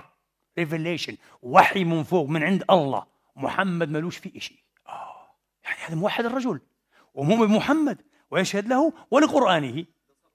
ما بقول لك يعني لا. هو مسيحي وعايش في التشريعات العادية على الدين المسيحي. عادي يعني. آه بوكل خنزير أكيد كذا. ممكن يشرب قطرات من الخمر يعني ممكن لا مش شرط. فهذا دول الحين كافر؟ ما أقدرش اكفره هذا. هذا قرآنيا هذا اللي الله ذكره في الآية الثانية والستين. هذا قرآنيا المذكور إيه في الكلمة سواء في آل عمران. قرآنيا ليسوا سواء من أهل الكتاب. قرآنيا فاستبقوا الخيرات. انتبه قلت لك في 23 ساعة نتكلم في الموضوع هذا. موضوع طويل وغريب. نعم. آه الجواب سهل جدا هذا يا أستاذي. سهل جدا. الإسلام في القرآن الكريم من أول إلى آخره دين الأنبياء. نوح في سورة يونس إيش قال إيه؟ وأنا من المسلمين. آه فالأنبياء ليس دين محمد فقط دين الأنبياء كلهم. والتوحيد المطلوب هو الإسلام. أه؟ إبراهيم هو أي شيخ الموحدين أه؟ وشيخ الأنبياء وأنا أول إيش قال؟ المسلمين. أم كنتم شهداء إذ حضر يعقوب الموت ولو صحيح؟ أه؟ ونحن له مسلمون الحواريون أه؟ قالوا أسلمنا واشهد بأننا ما في. فالإسلام انتبه. لا لا. لا يصلون هم يصلون يصلون. سيبنا من الحديث أقول لك ليش. هم يصلون طبعا. قال تعالى قال تعالى وأوصاني بالصلاة والزكاة ما دمت حيا. مين اللي قال؟ عيسى. وعيسى أكيد ما كان شركة ويسجد مثلنا. كان له صلاته فعلا وهم ورثوا هذه الصلاة. مش شرط في الصلاة إلا أن تكون بهذه الهيئيات. أنت كمسلم نعم ملزم بها. هذا دينك الفرعي يعني. هم يصلون إيه؟ بطريقة أنبيائهم. انتبه. وإياك أن تعتقد عاد أننا نحن الآن هيك كأفراد مسلمين مش كأنبياء أن نحن نصلي هذه الصلاة حتى لو ما فيش فيها حضور فيش فيها خشوع بنكون سبقنا وبذذنا إيش؟ نوحا أو إبراهيم أو موسى أو عيسى إذا صلى أو الحواريين أبدا. في نهاية الصلاة فعلا هي الصلاة اتصال آه، برب العالمين. نوع من الإقبال على على الملأ الأعلى هو هذا. فهم يصلون بنص كتاب الله. طبعا كيف لا يصلون؟ يصلون ويزكون أه؟ ويزكون. بعدين هذه شريعة فرعية انتبه أنت في شرعك الفرعي ملزم بأشياء. يعني الآن اليهود والنصارى الموحد. إذا قال أنا إيه؟ سأتبع محمدا في شرعه. سيلزم بكل ما نلزم به. وملزم أن يصلي كما نصلي. لكن إن أراد وهذا مش من عندي. هذا مش من عندي. هذا إيه؟ من كتاب الله كما قلنا الآيات الكثيرة. وإلا كيف الله يقول لهم؟ ها؟ فاستبقوا الخيرات. هي خيرات؟ على طريقتنا الذي يستبق الخيرات فقط هو المسلم. أما يهودي أو نصراني إلى جهنم وبئس المصير. صح؟ هذا غلط. الله قال لا. الله قال أنا شئت أن أجعلكم إيش؟ ها؟ أمما مختلفين. ولكم وجهات ولكم وجهات مختلفة فاستبقوا الخيرات. ها فهذا الإناء الواسع يتسع دائما للضيق. ما معنى الكلام هذا؟ معنى هذا كان أقول لك بمثل هذه النظرية. إياك أن تظن. طبعا أنا مرة سألني واحد إيه شخصية عربية كبيرة. سمع أن أنا عندي وجهة نظر فحكيت له قال لي منطق بس عندي سؤال. قلت تفضل.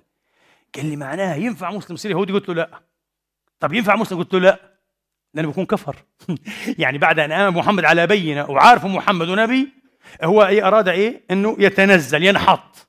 قلت له التنزل ممنوع الترقي مسموح قال لي كلام برضه منطقي. أنا قلت له هذا هو تقدم. تتقدم نحو الإسلام أهلا وسهلا. هذه أرقى صيغة للإسلام الإسلام المحمدي. الإسلام العيسوي الموسوي إسلام بلا شك قرآنا ولكنه ليس الصيغة الأتم. بدك لذلك إيه؟ من أسلم منهم فكان له إيه؟ أجران. إن بقي على دينه من غير تحريف من الذين إيه؟ أتيناهم الكتاب فله أجر بنص آيات آل عمران. آه وبنص آية البقرة له أجر بإذن الله تعالى. الله لا يظلم. آه وبهذا طبعا يا إخواني بنقدر نفسر أشياء كثيرة من المحارات بتحير العقول. كالذي يعرف ويشتهر عن كرامات بعض رجال الدين المسيحيين وربما اليهود. الناس بيشوفوها عندهم كرامات عندهم بركة. طب كيف لك مسيحي؟ طبعا يا أخي هذا رجل رباني. وبكون موحد تلاقيه لله عز وجل ومحب للخير ومحب للصلاح. فالله يعطيه حتى بركة وكرامات. بعضهم يموت. طبعا هذه الأشياء مشهورة عندهم. يفتح قبره بعد مئة سنة. كما هو. وتفوح منه رائحة المسك. وكان رجل دين. كيف طيب عاد؟ هذا بخلي الناس تشك. لا لا لا. هذا يحدث للمسيحيين وللمسلمين واليهود للصالحين من كل هذه الطوائف بإذن الله تعالى. ولا يصلح للكذابين المخادعين. واضح؟ فالإناء الواسع يسع الضيق بمعنى إيش؟ أنا أقول لكم بمثل هذا الطرح سترى بعد حين أنت يبدأ اليهود يدخل في هذا الدين. النصارى يدخلوا فيه بسهولة يقول لك هذا الدين أوسع بكثير إحنا عنصريون. يعني اليهودي مثلا يكفر عيسى يعتبره ابن والعياذ بالله يسبه يسب أمه هذا صحيح؟ فلما يأتي نصراني يقول لك سبحان الله المسلم أشرف ألف مرة من اليهودي وأوسع وأشرف مني وأحسن كمان. أنا أؤمن بموسى وبناموسه بس أسب محمدا أسب نبيه. هو أوسع ودائما الأوسع. طبيعة الأمور حتى الفيزيقية يتسع للضيق. حتكسب أنت وبنتشر الإسلام لكن بالنزعة الحصرية اللي عندنا إحنا وبس. وضممنا إليها رفع السيف ونغزوهم قبل أن يغزونا وحتى كذا وبنخضعهم. ومش عارف الكلام فرق كلام سيد قطب هذا والمودود والكلام هذا ومحمد خير هيكل والكلام الغير صحيح هذا. ها؟ أنا بقول لك هذا الكلام أقصر طريق لتهريب الناس من الإسلام وتأليبهم عليه أنه الحقوا حاربوه قبل إيش؟ ما يقوى يحاربكم الحقوا اجتثوه. آه، وهذا الدين ما جاء كما أقول دائما لفرض ناس على ناس ولا الهيمنة. أبدا جاء الهداية وربط الناس بالله تبارك وتعالى وإرشادهم إلى سواء السبيل. ونسأل الله يهدينا جميعا سواء السبيل.